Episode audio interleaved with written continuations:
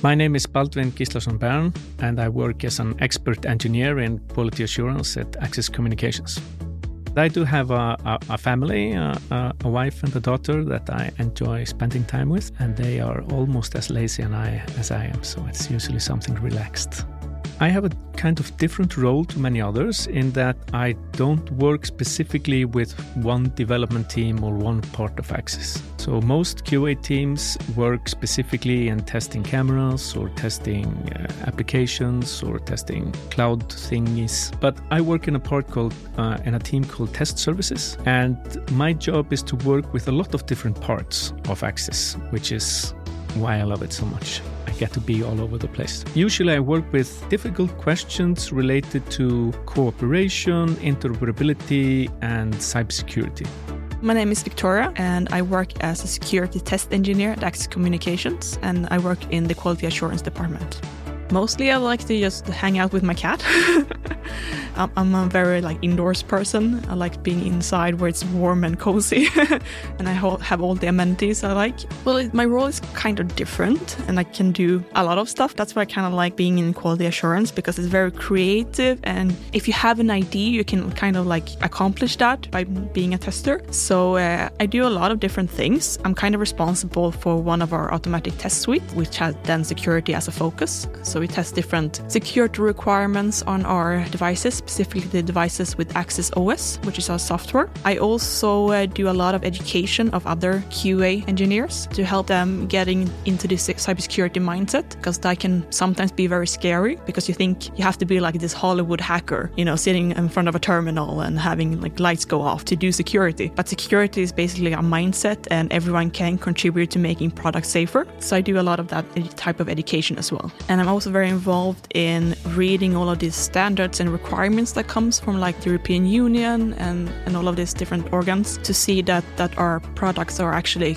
meet the standards that we need to have my name is Joaquín Redeval, and I work as a hardware quality assurance engineer at Axis Communications. When I'm not working, I like uh, I, I, sing in a choir, so I like singing. I sing in the shower too, and I like hanging out with friends. I live with my brother now, and we play video games and cook together and watch movies and stuff. I'm also into uh, racket sports, so play tennis and badminton and squash, and yeah, whatever gets thrown at me. So my role at Axis, a hardware quality assurance engineer, I work within QA, so it's quality assurance, and it's under R&D, but it's like a separate branch. So we pretty much make sure that everything that everyone else makes lives up to the standards. For my department in uh, Pacific, we break stuff physically. So we do impact testing, we do vibration testing, we take the cameras and the speakers and products that we make, and we try to break them.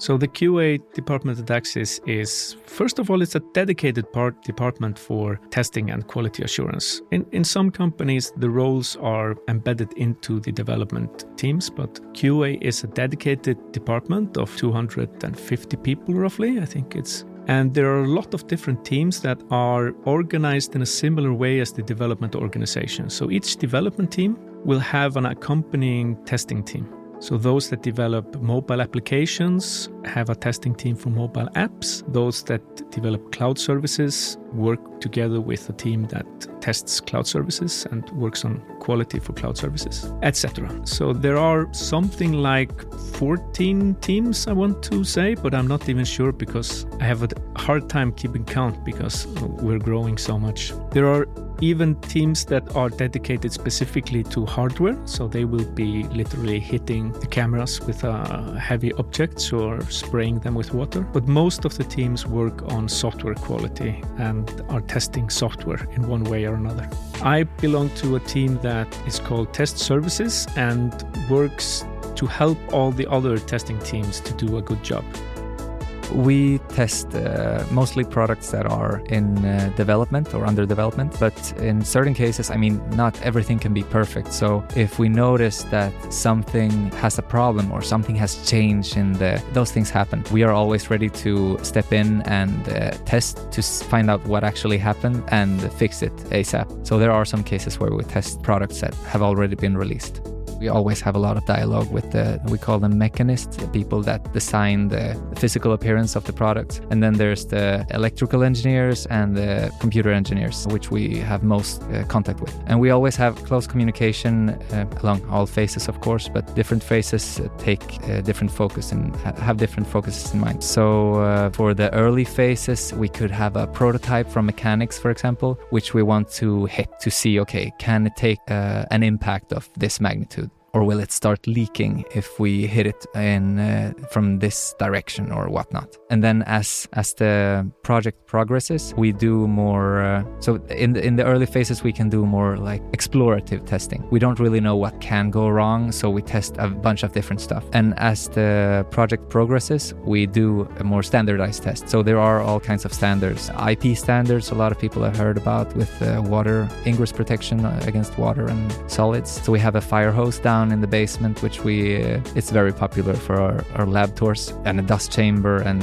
yeah. So we we try to check things off as, as soon as we can, and then as I mentioned that I mean it's a process, right? So the product that we start out testing with in the early stages might not look the same as the finished product. So if anything changes, we need to redo the tests and it's an iterative process, but we don't mind. I mean, our job is finding problems and helping people fix them. Yeah, so one thing I work a lot with is uh, the Axis Security Development Model, which is basically our security development lifecycle. So how we should develop software securely. And I've been very involved in that in last years to help improve it and to help the teams and to ensure that the information that they receive about this is useful and good for them.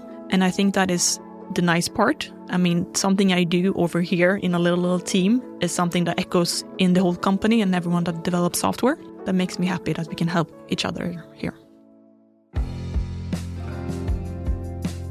As QA is quite big, there is a possibility, even if you just want to continue with testing and maybe not like change your career a great deal, you can still work on so many different things. So if you start out uh, loving to test uh, Windows applications, but you get more curious about our hardware devices like cameras or door controllers or speakers, you can easily switch to testing those kind of stuff. Um, and then you could move on to testing hardware or, or whatever different things you'd like to test. Of course, if people are interested in doing something completely different, as a big organization, there is always some management position that's open. But we also have a career level for engineers to encourage them to not necessarily go into a management position if they just want to advance in their careers. So I've advanced through the senior and up to the expert uh, engineer rank, so I I don't have to be a manager. And then, of course, Axis also encourages people to change jobs within Axis. So we have gotten people from other departments of Axis that have started working in the QA department, and there are many people in the QA department that have left the QA department but stayed within Axis to go on to um, other roles within the company. And that is something we encourage. So yeah, we have a lot of opportunity to learn from each other. I would say. I mean, the whole QA meets at least once a year to to share like what we are doing and stuff like this. But also in our smaller department, like if you look at the the QA department, like in an organizational way. Uh, we meet also to talk about what we're doing and how we can help each other. And I think this is like a conversation that goes on everywhere. I mean, we meet each other in the hallway, we have fika, we have lunch, and we discuss what we're doing and what problems we have and what fun things we're doing. And there's always these opportunities and meeting places for, for these kinds of exchange, which I think is really, really nice. I just keep on learning stuff. And one of the, other than like specific skills, like, oh, learning how to program or learning how to design. And I think that an interesting thing, which I'm working on right now, is just to actually put into practice that, okay, if I have a good idea, I can come to life. So if I notice that, okay, we can improve something, I don't need to go, I, I usually don't need to go to my boss to say, like, oh, hey, can I try this out? It's just, yeah, go ahead. I've gone like three times and he's always looked at me funny and like, what are you doing here? Just go down and do that. It sounds great. And I think that it's it's something that is useful in general to just like feel like ah i can actually do something i don't need i mean we always help each other out and it's always nice to have someone to ask something about So in my test services team, we have some after work sometimes. So usually we we buy some uh, chips and some drinks and have like a game night here at work. Sometimes we've been out on town and had a beer or something, you know. But yeah, we try to do something once in a while, and, and that's kind of nice. And I mean, some teams do a lot and some teams do less, but there's a lot of these after hours activity clubs that we have. So I'm part of a book club, for example, here at Axis. So we, we meet once a month and, um, you know, talk books and eat lunch together, which is kind of nice, just meeting people from different departments, because I think that's very valuable here, especially if you're going to work like in QA or well, anywhere at Axis. But if you're going to work at Axis, it's very nice to get to know people from the whole company and see see what, what everyone is doing and how that contributes to what to our products and everything. The last time that the entire QA hung out was QA days. We were in some farm in the north of Scania. We had uh, seminars and then super, super nice dinner. And we could discuss different QA matters and such. Every year we have these things. So last year we went to a hotel in Båstad and uh, we hung around there and uh, it was very nice. The Christmas party is next week. When when I started at Axis, the Christmas party was only 200 people because we were only 200 people in Lund of the whole Axis. Then you got the chance to sit with legal and HR and everybody. Now it's so big that we have to have our own Christmas party. One of the good things about the QA work is that you often get to interact in your daily life, not only with the developers that do the software you're testing, but they, you also get to interact with the product owners, trying to figure out what did they actually want the developers to do. You talk with people that interact with users. You really have to be able to interact and connect with many different parts of the company. I think there are two main reasons for wanting to work at QA at Axis. Either you have an interest in testing and quality, and then I can't think of a better place to be than large QA department of 250 really skilled people that are working on a product portfolio that's very broad and where quality is very important. The other part is if you're interested in working with technology, but maybe not that interested in specifically being a programmer or a developer or not really sure what you want to work with with the technology, then the QA job, testing job, is a very broad, and uh, you get to work more with people and difficult questions and problem solving, and it's it's a bit more of a variety than some other jobs in the tech sector.